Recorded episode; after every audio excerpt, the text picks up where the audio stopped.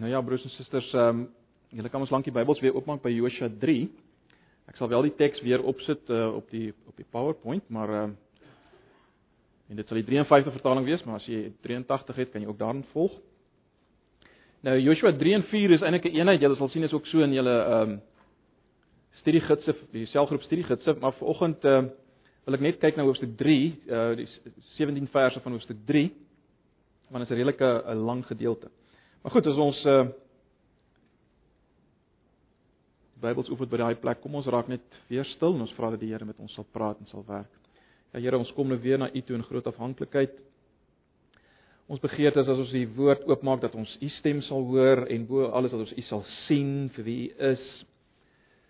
En dat U in ons harte die wonder van geloof sal werk. Geloof wat kom deur gehoor en die gehoor wat kom deur die woord van God.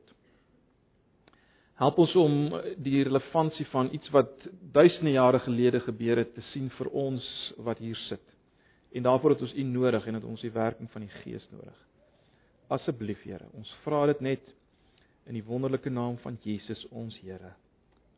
Amen. Goed, Joshua 3 Ons lees van vers 1. Daarop het Josua die môre vroeg klaar gemaak en hy met al die kinders van Israel het van Sitem af weggetrek en by die Jordaan aangekom en daar die nag oorgebly voordat hulle deurgetrek het. En aan die einde van 3 dae het die opsigters die laar deurgegaan en aan die volk bevel gegee en gesê net soos julle die verbondsark van die Here julle God sien en die Levitiese priesters wat hom dra, moet julle van julle staanplek af opbreek en agter hom aantrek. Maar laat daar 'n afstand van omtrent 2000 L tussen julle en hom wees. Kom nie naby hom nie sodat julle die pad kan weet waar julle langs moet trek. Want gister en eergister het julle nie met die pad getrek. Dan oor dat die pad is onbekend. So eenvoudig soos dit. Vers 5. Verder het Joshua aan die volk gesê: "Heilig julle of reinig julle." Dink ek sê die 83 vertaling wy julle self toe, want môre sal die Here wonders onder julle doen. En Joshua het met die priesters uh, gespreek en gesê: "Neem die verbondsark op en trek weg voor die volk uit. Toe het hulle die verbondsark opgeneem en voor die volk uitgetrek. Daarop sê die Here vir Josua: "Vandag sal ek begin om jou groot te maak voor die oë van die hele Israel, sodat hulle kan weet dat ek met jou sal wees soos ek met Moses gewees het." Gee jy dan bevel aan die priesters wat die verbondsark dra en sê: "Net soos julle aan die kant van die water van die Jordaan kom, moet julle in die Jordaan bly staan." Toe sê Josua aan die kinders van Israel: "Kom nader hierheen hierheen en luister na die woorde van die Here, julle God." Verder het Josua gesê: Hieraan sal julle erken dat daar 'n lewende God tussen julle is en dat hy sekerlik die Kanaaniete en Hettiete en Hewiete en Ferisiete en Girgasiete en Amoriete en Jebusiete voor julle uit sal verdrywe. Kyk vers 11 die verbondsark van die Here van die hele aarde trek voor julle uit die Jordaan in. Neem dan nou vir julle 12 manne uit die stamme van Israel, een man uit elke stam. En net soos die voetsole van die priesters wat die ark van die Here, die Here van die hele aarde dra, in die water van die Jordaan rus, sal die water van die Jordaan afgekeer word, die water wat van die bokant afkom en dit sal soos een wal bly staan. Vers 14 en toe die volk wegtrek uit hulle tent om deur die Jordaan te gaan met die priesters wat die verbondsark dra op die voorpunt van die volk en net toe die draers van die ark by die Jordaan kom en die priesters wat die ark dra hulle voete aan die kant van die water insteek terwyl die Jordaan vol was op al sy walle al die dae van die oes bly die water staan wat van die bokant afkom. Dit het opgery soos een wal baie ver weg by die stad Adam wat langs Sartan lê en die wat uh en die wat afstroom na die see van die vlakte, die Soutsee of dan die Dooie See, het heeltemal verdwyn. Toe die volk deurgetrek teenoor Jerigo. Maar die priesters wat die verbondsark van die Here gedra het, het onbeweeglik bly staan op droë grond binne in die Jordaan terwyl die hele Israel op droë grond deurtrek totdat die hele volk die deurtog deur die Jordaan volëindig het.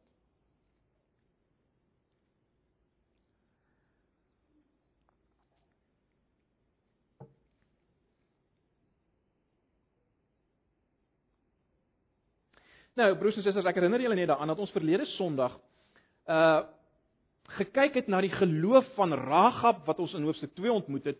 Ons het gekyk na haar geloof vanuit die Nuwe Testament.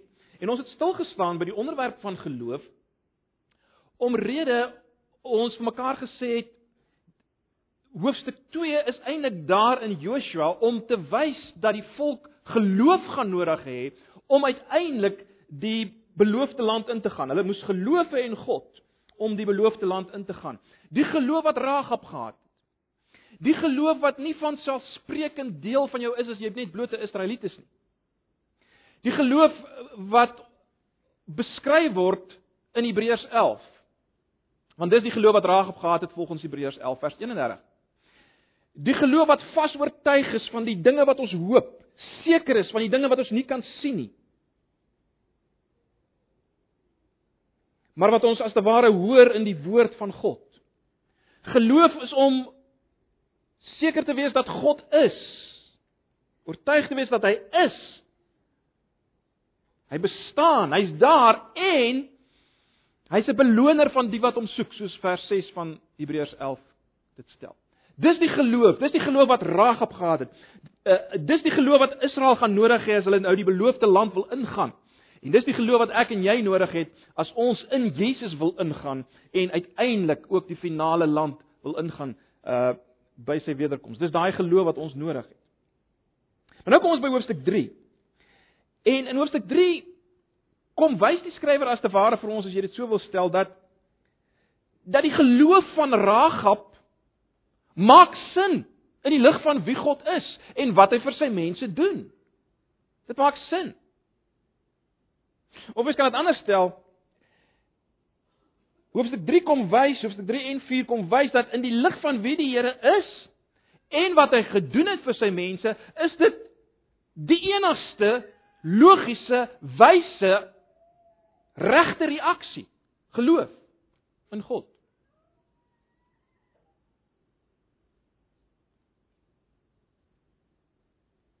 Geloof is die enigste logiese regte reaksie in die lig van wie God is en wat hy vir sy mense gedoen het. En wie die Here is en wat hy gedoen het, word gesien in hierdie ongelooflike belangrike historiese gebeure, hierdie gebeure van die ingaan in die land Kanaan. Ag, ja, die land Kanaan deur Jordaanrivier. Ehm uh, dis waar daar gesien word wie God is en wie hy vir sy mense is. Iets wat hy baie lank al beloof het.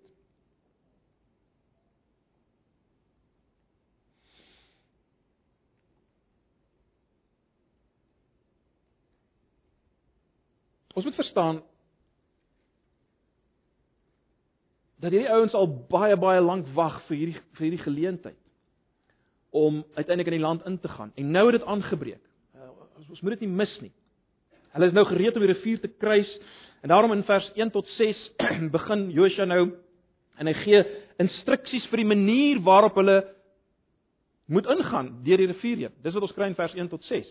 Uh terloops hulle is in Sitem of hulle uh, hulle nou hulle gaan van Sitem aftrek want Sitem was die plek waar hulle ehm um, as te ware gebly het nadat daai twee konings verslaan is. Julle sal onthou die Amoritiese konings van Sion en Og waarna Ragab ook verwys. Uh nadat die volk hulle verslaan het, het hulle naby Sitem gekamp. En nou het hulle van daar af beweeg. Nou het hulle be beweeg van Sitem af.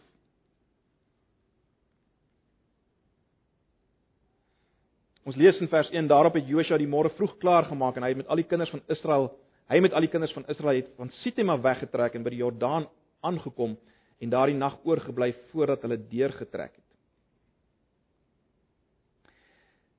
So wat basies gebeur is dat hulle nou getrek het van Sitem af na die Jordaan en nou sou hulle nou sou hulle as te ware langs die Jordaan beweeg tot by die plek waar hulle moet oorgaan.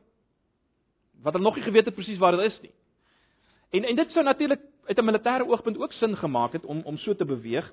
Uh om al langs die rivier af te beweeg en dan deur te gaan en dan sou hulle dit sou dan uh dit sou vinniger verloop die hele proses as jy as jy al klaar langs die rivier is.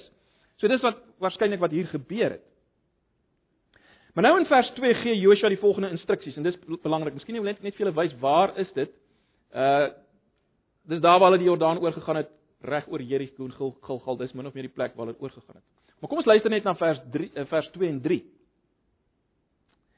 En aan die einde van 3 dae het die opsigters die laar deurgegaan.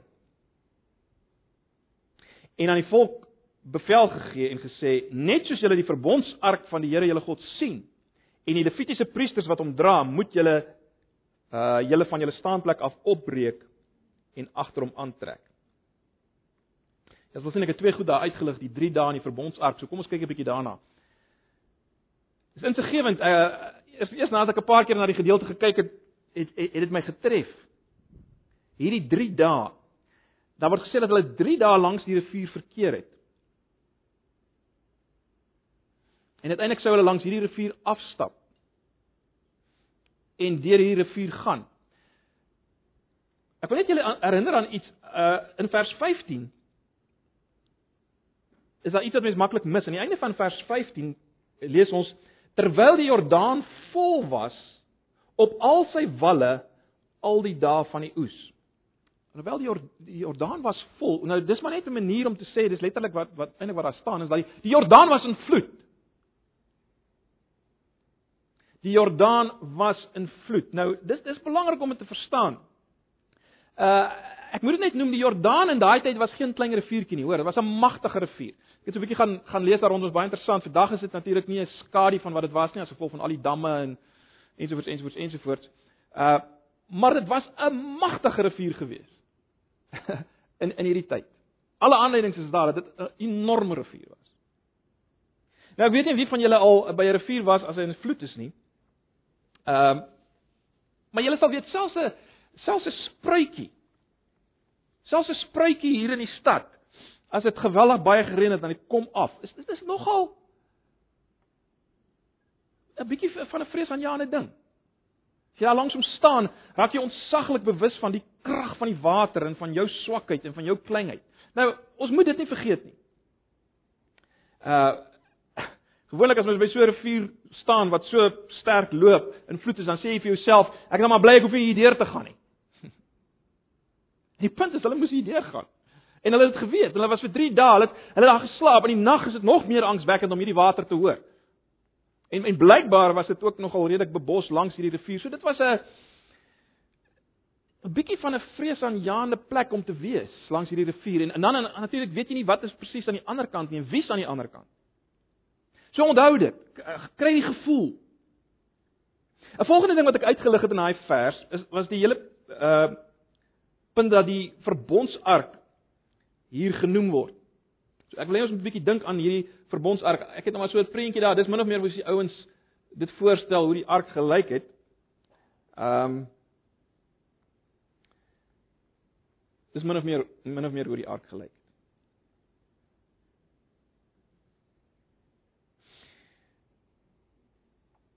Dit wat gesê word hier oor die verbondsark terloops al hierdie instruksies gaan lees maar Numeri tot 2 en ook in Numeri 10, dan sal julle sien dit stem baie ooreen. Jy sien die gedagte was dat die verbondsark sou voor die mense uitbeweeg want dit was God se manier om sy volk na rus en veiligheid te lei. In ander woorde, God se manier om sy volk te lei was deur die verbondsark. Dit dis hoe hy hulle sou lei. Deur die verbondsark heen sou hulle in die rus en die veiligheid van die land ingaan. Moet dit uh onthou dit hou dit in julle agterkop as as as ons uiteindelik by die by die Nuwe Testament kom. Die volk was al bekend met hierdie prosedure, uh want dit was die prosedure dat die volk agter hierdie ark moes aanbeweeg, want God het as te ware die pad aangewys. Hulle het nie geweet waar om te loop nie. God het die pad aangewys. Uh, hulle, hulle stap agter hierdie verbondsark aan. En dit was veral belangrik op hierdie punt dat hulle dit sou doen want God het geweet waar hulle moet oorgaan. Hulle het nie geweet waar hulle moet oorgaan nie en God sou dit doen op so 'n manier dat uh, hulle beskerm sou wees van moontlike aanvalle deur die Kanaaniete. Onthou die Kanaaniete was verseker bewus van die feit dat die volk aan die beweeg was. Ek meen uh dis onmoontlik om nie bewus te wees van hierdie massa klomp mense wat aan die beweeg is nie. Hulle het geweet daarvan. Uh as ons ook dink aan Ragab se uh wat Ragab gesê het in hoofstuk 2. Maar baie belangrik, hierdie ark van die verbond het die teenwoordigheid van die Here versimboliseer. Dit het gestaan vir God se teenwoordigheid. Daar was natuurlik in die ark, sal julle weet, die die twee tablette van die uh van die wet. Uh Aaron die hoofpriester se staf was daarin en dan was daar 'n pot manna in gewees. Dit was binne in daai ark gewees. As jy gewonder wat is daar binne. En die priesters uit die stam van Levi, hulle moes die ark dra, let wel op twee pale. Julle het so gesien op daai prentjie ook, daar's twee pale. Hulle moes die ark gedra het op hierdie twee pale.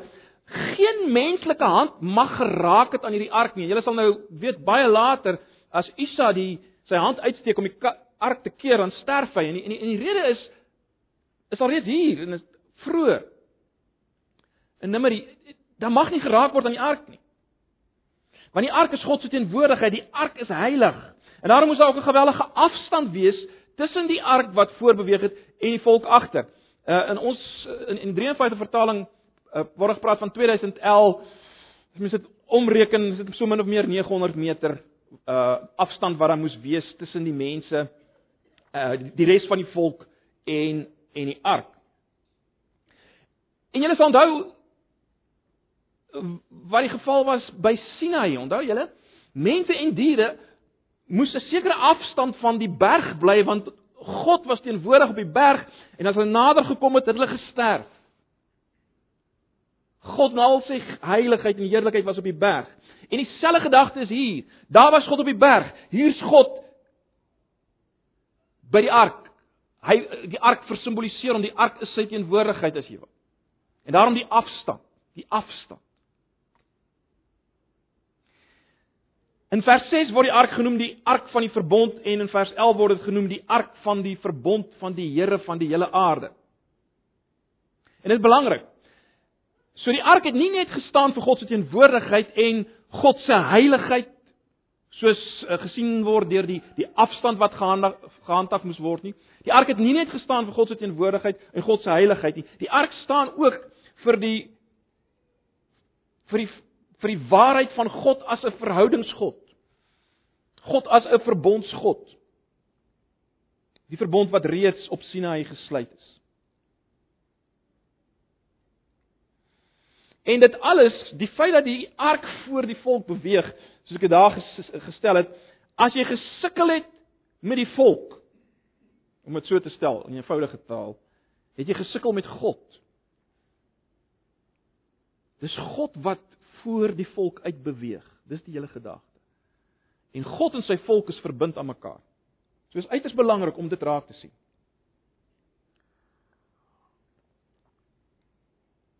En dit bring ons by die reiniging of die heiliging van die volk.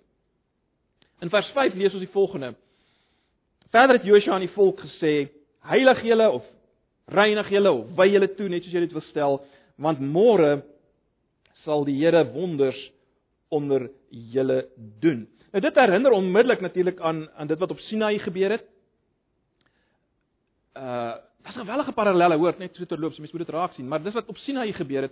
Ons lees in Eksodus 19 vers 10 tot 15, ja, die volk daar moes hulle klere was, hulle moes hulle onthou van van van uh enige seksuele verhoudings voor die Here vir hulle die verbond sou gee van uh vanaf die berg sou afkondig. Die rede vir hierdie heiliging of reiniging was natuurlik omdat God het hierdie mense geroep as sy eie, né? Israel is geroep om God se eie mense te wees. Hulle moet toegewy wees aan hom volgens die instruksies wat hy vir hulle gegee het dwars deur die hele Levitikus. Daar wys hy hoe hulle moes wees as hulle voor hom wil verskyn en in kontak met hom wil wees en met hom wil besigheid doen as jy wil. Uh dit wat ons kry hier hoor en natuurlik ehm uh, uh, ook later en en en vroeër. Dit wat ons hier my belangrik, dit wat ons hier kry is eintlik niks anders as wat ons alreeds in Levitikus sien. Dis niks anders nie. Dit was eintlik net 'n refleksie van daai voorskrifte van Levitikus. Wat ons ook moet onthou is dat die volk het hulle nog nie weer toegewys sedert die dae van Sinaï nie en intussen tyd weet ons dat 'n hele nuwe generasie groot geword. Almal het basies uitgesterf, basies Joshua en die verspieders wat nog oorgebly het. So dis dis 'n nuwe generasie wat hulle weer as te ware moes toewy aan God. Net soos hulle net soos hulle ouers gedoen het by Sinai. Ons sien hier die as jy wil die oorsaak gevolg kant van die verbond of die seën vloek kant van die verbond. Ek sal vir julle God wees, julle moet my volk wees. Met ander woorde, as julle julle toewy aan my, as julle my volk is, dan sal ek julle God wees deur wonders heen. Ek sal wonders toon. Ek sal vir julle werk. Indien nie sal daar vloek oor julle wees. Dis die dis die verbonds uh beginsel wat ons as ware ook hier duidelik na vore sien kom. Ons gesien hoe God uiteindelik vir die volk opgetree het met die hele uittog uit Egipte uit. Nou gaan ons iets daarvan sien in die intog. Ons moet ook onthou dat hierdie hierdie wonders van God wat sou voortvloei uit die feit dat die volk hulle toewy aan hom, hierdie wonders baie belangrik sou God se getrouheid wys aan sy mense. Maar ook sou dit vrees bring by die Kanaaniete. Sou vir hulle wys wie God is. Julle sal weet Raga praat daarvan, né? Uh sy het genoem dat dat hulle hulle weet van hierdie dinge. En en dit wat hulle ge, gehoor het van wat God gedoen het vir sy volk wat aan hom toegewy is, dit was instrumenteel in haar in die geloof wat by haar ontstaan het. Uh, luister net weer wat sê sê in in, in hoofstuk 2 vers 9 tot 11. Ek weet dat die Here die land aan julle gegee het en dat die skrik vir julle op ons geval het en dat al die inwoners van die land vir julle bewe, want ons het gehoor dat die Here die water van die Skelfsee vir julle al by die uittog uit Egipte laat opdroog het. En wat julle die twee konings van die Amorite Sion en Og oor kan die Jordaan aangedoen het en dat julle hulle met die bandvloek getref is. Toe ons dit hoor, het ons harte gesmeld sodat daar by niemand enige moed meer oorgebly het teenoor julle nie want die Here julle God, hy is God in die hemel daarbo en op die aarde hieronder.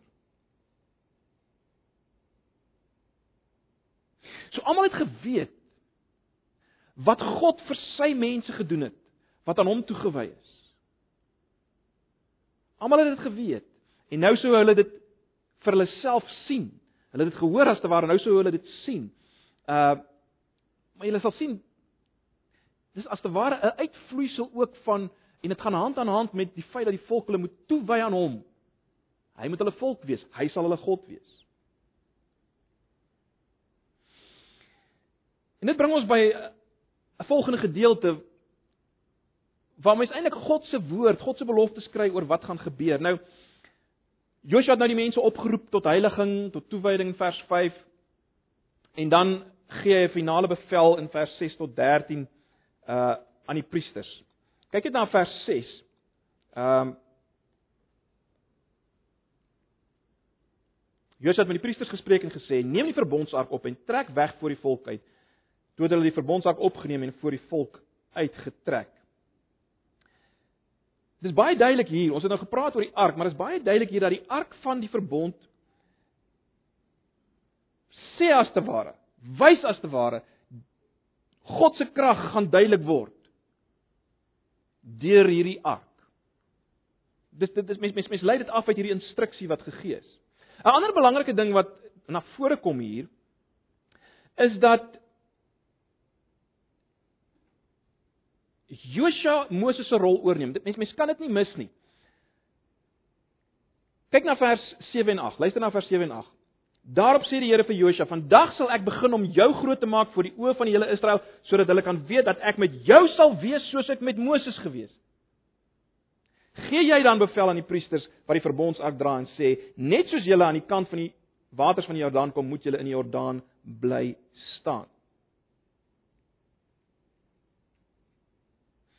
Julle sal weet die Here het met Moses gewerk op sleutelmomente in die geskiedenis het God met Moses gepraat en en, en hom leiding gegee. Nou doen hy dit met Joshua en dit is baie belangrik. Uh dat die volk dit sou weet.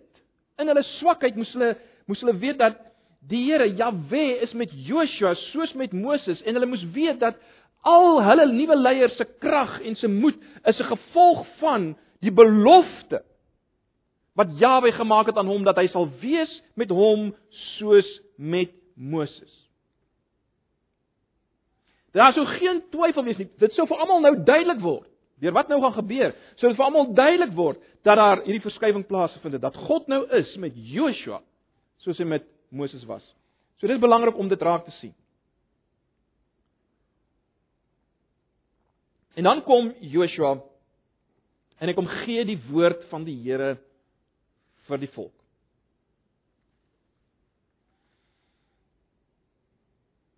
Kom ons lees maar daarvan af vers 9. Toe sê Josua aan die kinders van Israel: Kom nader hierheen en luister na die woorde van die Here julle God. Verder het Josua gesê: Hieraan sal julle erken dat daar 'n lewende God tussen julle is en dat hy sekerlik die Kanaaniete en Hetiete en Hewite en Feresiete en Girgasiete en Amoriete en Jebusiete voor julle uit sal verdryf. Kyk, die verbondsark van die Here van die hele aarde trek voor julle uit die Jordaan en neem dan nou vir julle 12 manne uit die stamme van Israel, een man uit elke stam. En net soos die voetsole van die priesters wat die ark van die Here, die Here van die hele aarde dra in die water van die Jordaan rus, sal die water van die Jordaan afgekeer word, die water wat van bokant afkom en dit sal soos een wal bly staan. Dit is baie duidelik dat net soos Israel by die Rooi See by die uittog uit Egipte uit op droë grond deurgetrek het uit Egipte uit. Nou sou hulle op droë grond intrek in die beloofde land. Nee, dit is baie duidelik. Dit, dit dit is wat hier aangaan. So God roep deur middel van Josua die volk op om sy woord te hoor, sy belofte uh te hoor wat hy as te ware nou weer bevestig. Hy het dit al gesê. Maar hy bevestig sy belofte dat hy gaan hulle bevry van al hulle vyande. Hy is die ware, die lewende God. Dit gaan vir almal baie duidelik wees anders as die gode van die mense van Kanaan, as hy die lewende God uh wat praat met sy mense, wat optree vir sy mense. Die gode van Kanaan was maar mense se eie verbeelding as ek dit so kan stel voorwerpe wat hulle vir hulle self gemaak het God is anders. En dit gaan nou gesien word prakties histories gaan dit gesien word dat God is anders. Hy leef, hy tree op vir sy mense. En hy gaan doen, baie belangrik, hy gaan doen vir sy mense dit wat hulle nie vir hulle self kan doen nie. Hy gaan hierdie vreesaanjaende klomp mense van Kanaan verwyder, verdryf. Hy het beloof en hy gaan dit doen. Nou op hierdie punt word daar natuurlik nou 'n lys gegee, sal julle sien van al hierdie uh volke. Nou ek wil nie te lank daarop ingaan nie. Uh Ek dink wel is miskien belangrik om te noem dat hierdie ouens waarskynlik almal geweet het. Die ouens wat daar genoem word, het geweet van dit wat die Here gedoen het. Onthou, Ragab sê hulle het dit geweet. Dit is heel moontlik dat die ander in Kanaan dit ook geweet het. Geweet het van God se krag en sy beloftes aan Israel.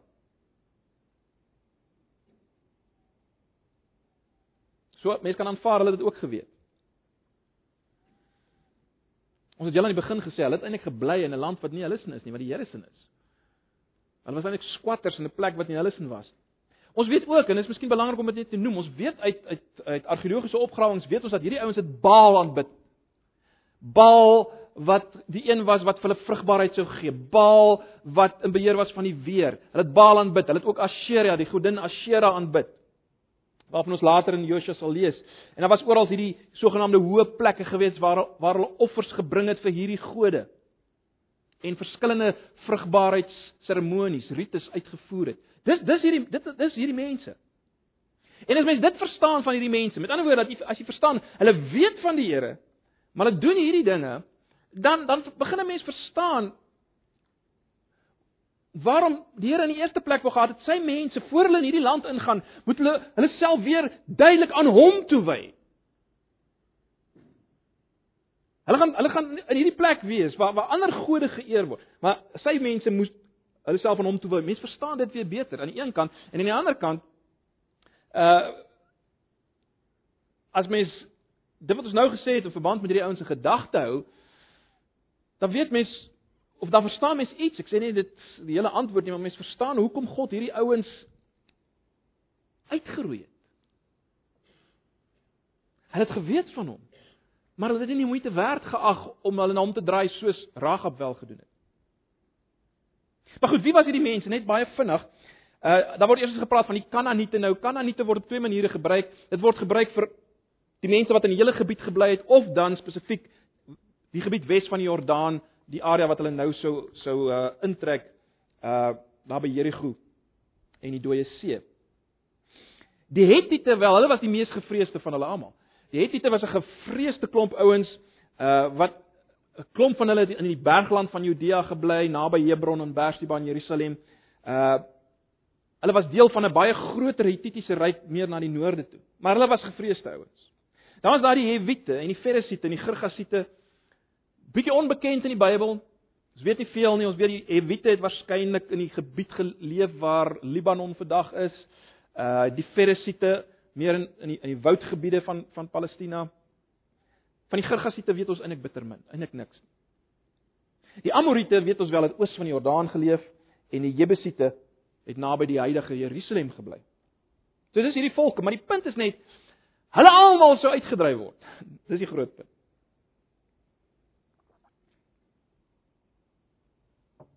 So dit kry ons ook in hierdie gedeelte. 'n Volgende ding wat belangrik is in hierdie gedeelte is dat dat Josua vir die mense sê dat die teken vir die volk om te beweeg was wanneer die verbondsark aan die kant van die water kom, dan moes hulle begin beweeg.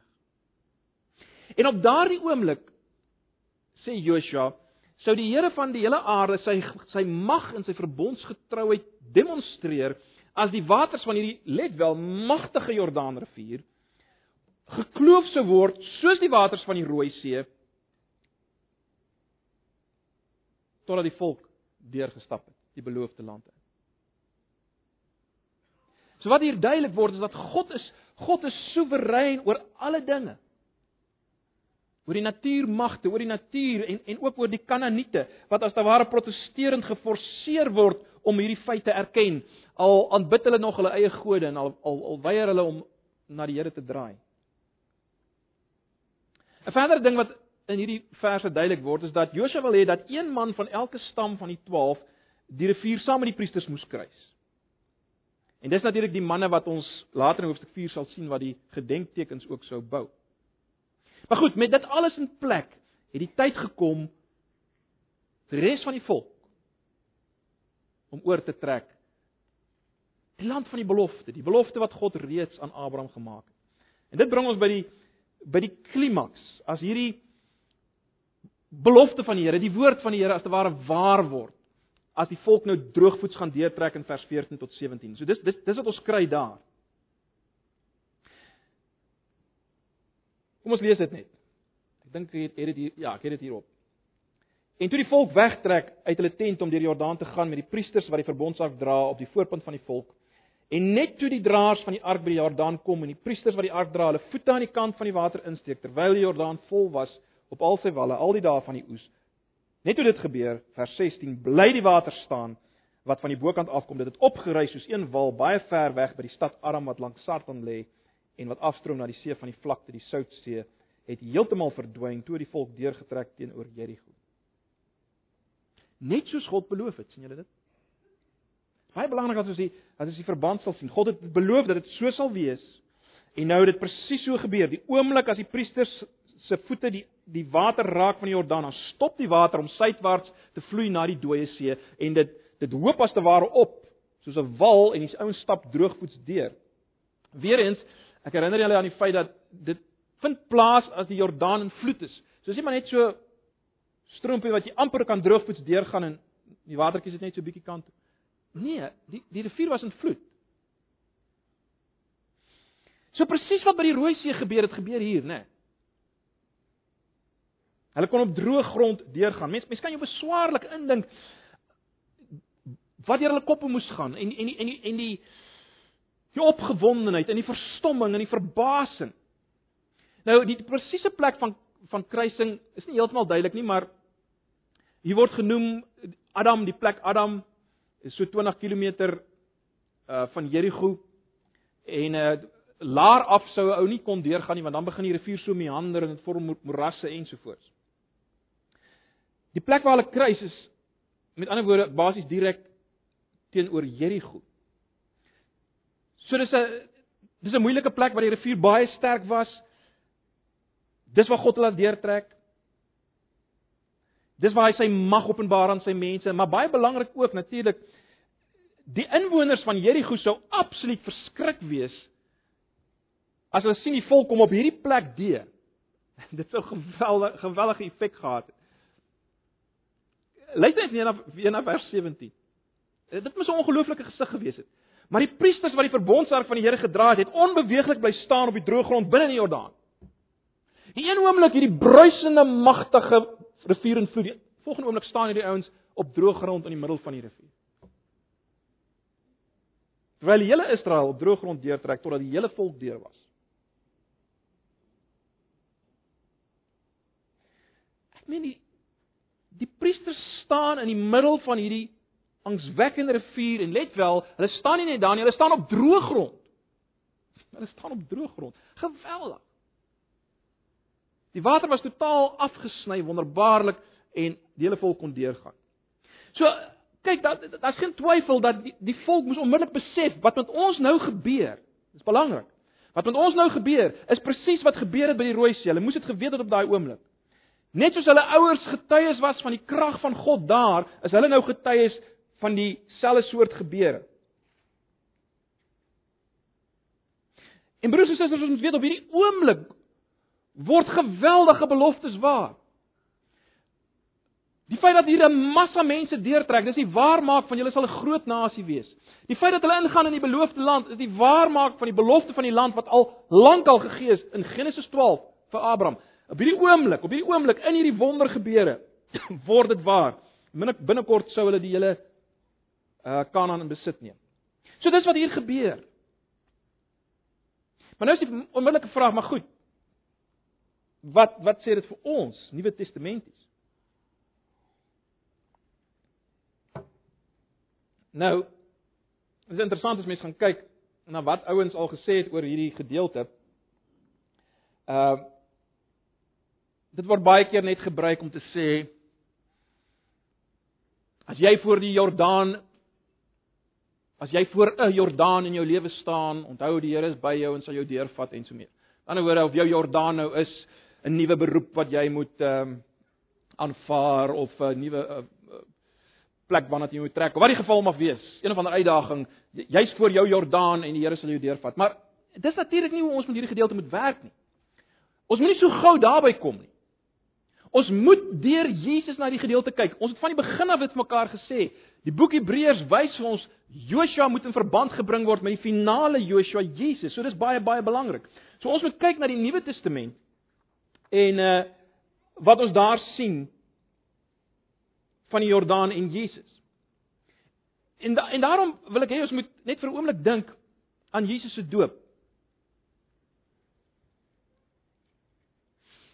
Ek dink nie dis toevallig dat as Jesus vir Johannes vra om deur hom gedoop te word, dat dit in die Jordaan gebeur. Die Jordaan wat hierdie plek van 'n bepalende moment was in die volk Israel se geskiedenis. Dit is nie van selfsprekend of laat ek so sê, dis nie toevallig dat Jesus juis vra dat hy in die Jordaanrivier gedoop word nie. En en en blykbaar reken ouens baie na aan die plek waar hulle deurgetrek het. Ons lees in Matteus 3 vanaf vers 13 van die van die van die doop van Jesus. Toe het Jesus van Galilea na die Jordaan na Johannes gekom deur hom gedoop te word. Maar Johannes het hom ernstig teengegaan en gesê: "Ek het nodig om deur u gedoop te word en en kom u na my toe." Maar Jesus het geantwoord en hom gesê: "Laat dit nou toe, want so pas dit ons om alle geregtigheid te vervul." Daarna het hy hom toegelaat en nadat Jesus gedoop was, het hy dadelik uit die water opgeklim en met eens gaan die hemele vir hom oop en hy sien die gees van God soos 'n duif neerdal op hom. En daar kom 'n stem uit die hemel wat sê: "Dit is my geliefde seun in wie ek 'n welbehae het." Ja, hier is 'n aangrypende gedeelte en ons het al hieroor gepraat binne ander kontekste. Ek gaan nie alles sê wat nou gesê kan word nie. Maar dis wat gebeur. Maar voor ons terugkom daarna toe moet ons net vir 'n oomblik dink wat het gebeur nadat die volk in die land ingegaan het in die latere geskiedenis van Israel. Julle sal weet, dit was nie lank nadat hulle in die land was nie dat uh, wat die volk in dieselfde sondes verval het as die Kanaaniete. Om die waarheid te sê, ons sien later, julle sal onthou dat ons Jesegiel gedoen het. Ons sien dat die volk uiteindelik erger goed gedoen het as die heidense nasies wat in die land was. Julle sal dit nog onthou.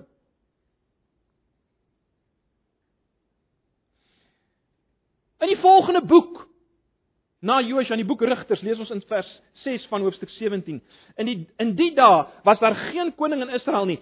Elkeen het gedoen wat reg was in sy eie oë.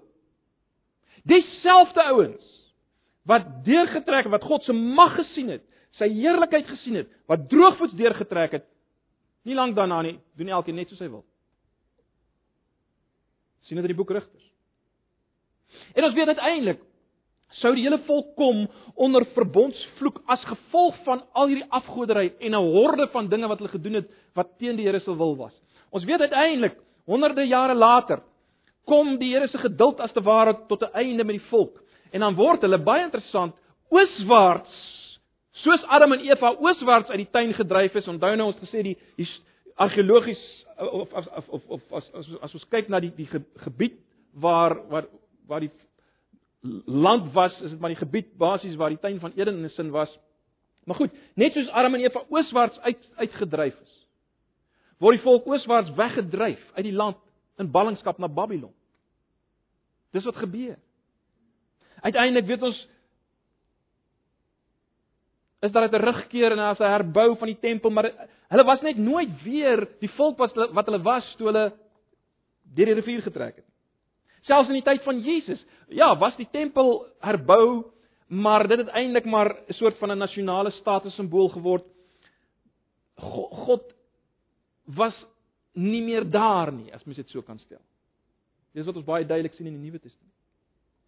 So iets moes gebeur. 'n nuwe Adam, 'n nuwe Israel moes kom om te kom doen en te kom wees en toegewy te wees aan die Here soos die volk nie kon nie. En dis waar Jesus inkom. Ons het al baie daaroor gepraat. Matteus teken Jesus as die een wat die rol van Israel oorneem. Ons het al baie daaroor gepraat. Is interessant. Luister net na Matteus 2 vanaf vers 14. Toe Jesus 'n babatjie was. Dan lees ons hy dis Josef die aardse pa van Jesus, het toe opgestaan, die kindjie en sy moeder in die nag geneem en na Egipte vertrek. Matteus 2 vers 15. En hy was daar tot die dood van Herodes sodat die woord vervul sou word wat die Here gespreek het deur die profeet. Verwys na Hosea 11. Uit Egipte het ek my seun geroep. Nou ons weet Israel word in Eksodus 3 ook God se seun genoem. Israel word geroep uiteindelik uit Egipte uit, bevry deur die Rooi See en dan gaan hulle die land in waarvan ons nou gelees het. Jesus as kind moes as te ware weer in Egipte kom sodat hy uit Egipte kon geroep word as te ware. Kom kom uit Egipte uit, want hy neem die rol oor van Israel. Hy stap die pad van Israel. Ons het nou gelees in Matteus dat hy uit Egipte geroep is. In Matteus 3 vind die doop plaas waarvan ons nou gelees het. Net soos Israel by die Rooi See gekom het en later weer by die Jordaan gekom het. Daar's baie ander lyne wat mens ook kan trek wat ek nie nou wil trek nie. Maar dit is baie belangrik. Dis nie toevallig nie. Jesus deur sy doop by die Jordaan wys as te ware dat hy die ware verbondsark is. Alles waarvoor die verbondsark gestaan het, dis wat Jesus was. In Jesus het die volheid van die godheid liggaamlik gewoon, die teenwoordigheid van God, God se heiligheid. God se verbondstrou. Alles was in Jesus.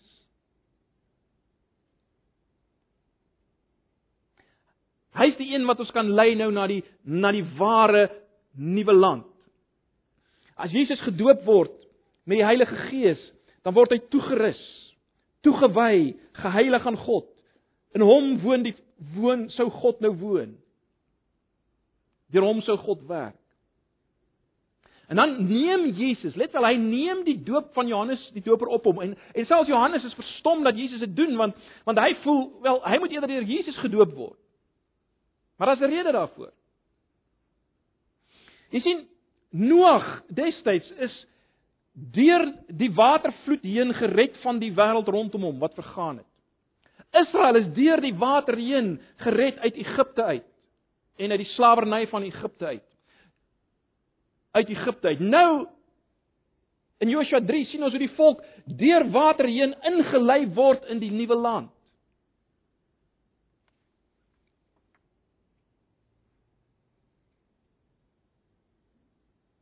As Jesus gedoop word, dan sien ons al daai dinge was 'n afbeelding van iets meer wat sou kom. Al daai dinge was 'n afbeelding van Jesus wat sou kom. Hoekom moes hy gedoop word?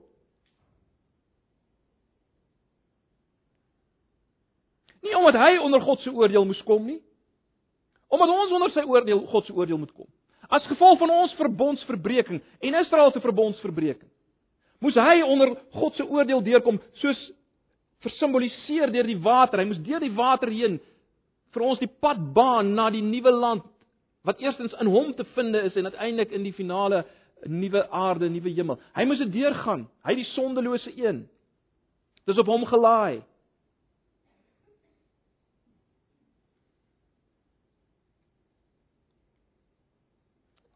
Dis wat Jesus kom doen. Dit wat gebeur het by Jordaan is net 'n afbeelding van dit wat uiteindelik sou gebeur deur Jesus. En nou baie belangrik, ons doop verbind ons hiermee.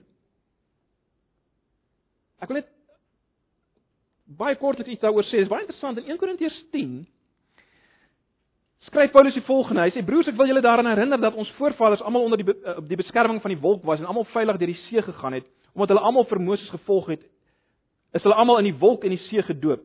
Hierdie dinge het hulle oorgekom as 'n voorbeeld vir ons en opgeskryf as 'n waarskuwing vir ons wat die einde van die tyd al beleef. Nou die feit dat Paulus die woord doop daar gebruik is insiggewend want dit wys hy wil 'n hy wil 'n verband bring tussen wat met Israel gebeur het en wat met Christene by hulle doop gebeur. Nou hier praat hy natuurlik van die van die van die Rooi See. Die doop in die Rooi See of Hieritsie. Maar nou het ons gesien dat daar 'n absolute verband is tussen die Rooi See en uiteindelik wat by die Jordaan gebeur het. Die Jordaan was net weer 'n afbeelding van die Rooi See. En daarom kan ons met vrymoedigheid sê ons doop uh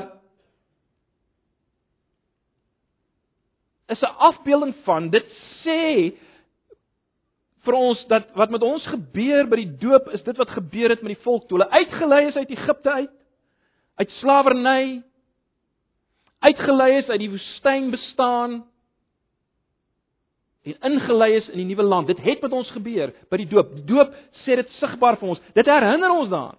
Dit dit is wat met my gebeur het. Dis wat God vir my gedoen het. Ek het my eie eksodus beleef en my eie intog beleef. En nou is ek onder onder Christus se leiding. Die nuwe Joshua.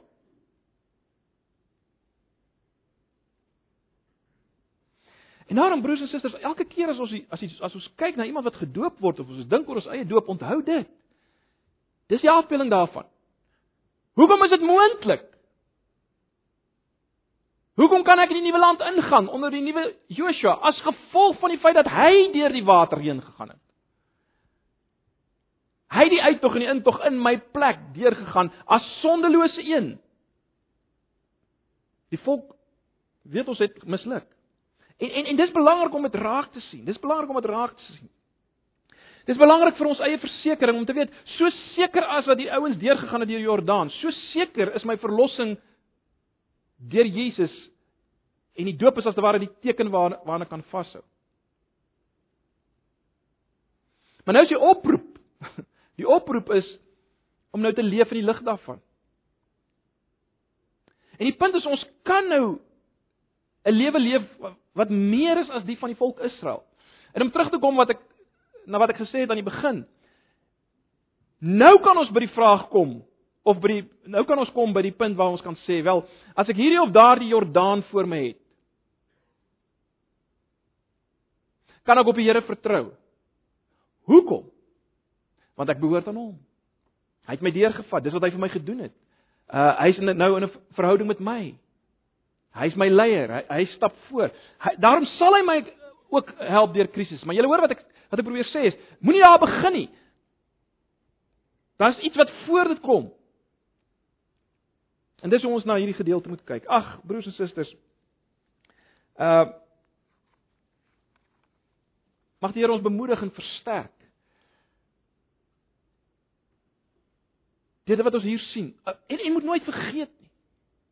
Dit wat gebeur uiteindelik aan die kruis, onthou die doop van Jesus. Die doop van Jesus is maar net weer 'n afbeelding van wat hy aan die kruis sou doen. Net soos my en jou doop 'n afbeelding is van dit wat Jesus vir ons gedoen het aan die kruis en ons saam wees met hom aan die kruisiging. Wat ons nooit moet vergeet nie, dit wat aan die kruis gebeur het, is 'n groter historiese werklike wonder as die droogvoet strek deur die Jordaan. Hoekom? Want God het mens geword. God het mens geword. En God wat mens geword het, hang nakend aan 'n houtkruis. Word gekruisig histories voor mense se oë en staan na 3 dae op histories. Werklik. Dit is 'n baie groter wonder as water wat gekruis is en of, of gekloof is en bly staan. Dit is baie meer. En dis waarop ons redding by, eh, waarop ons redding gebou is, in ons Christelike lewe gebou is. Mag die Here ons bemoedig en versterk deur hierdie waarheid. Kom ons sit net so dan. Raak ons stil voor die Here en ek vra nou dat elkeen uh 'n paar oomblikke homself sal toewy aan die Here. Ons sal dankie sê vir dit wat hy vir ons gedoen het. En terselfdertyd as ons vanoggend vir die Here dankie sê, dan dan pleit ons ek lê dat ons vanoggend werklik sal bid vir ons land wat in in regtig in 'n sleg op 'n slegte plek is. Bid dat die Here, hierdie Here van die Rooi See sal ingryp en sal werk en mense sal bring om te buig voor Jesus en om gered te word. Ehm um, deur dit wat Jesus gedoen het. Ek gee 'n paar oomblikke van gebed en dan sluit ons af. Here baie dankie dat ons vanoggend na U kan kom. U wat God is en wat in die geskiedenis ingebreek het en wonders gedoen het vir u mense. U wat leef, u wat regeer. Terselfdertyd is hy totaal anders as ons en werk anders. Verras ons dikwels. Maar Here, ek wil bid dat U ook deur wat ons vanoggend gehoor het net weer opnuut geloof in ons sal wek. 'n Oortuiging en 'n sekerheid van dit wat ons nie kan sien nie, wat ons hoop. 'n Oortuiging van die feit dat U is en daar is vir die wat U soek, 'n beloner is van die wat U soek. Here, wek daardie geloof in ons. Ons bid vir ons land spesifiek ook vanoggend. Here dat U in ons land geloof sal wek in U. In dit wat U gedoen het in Jesus.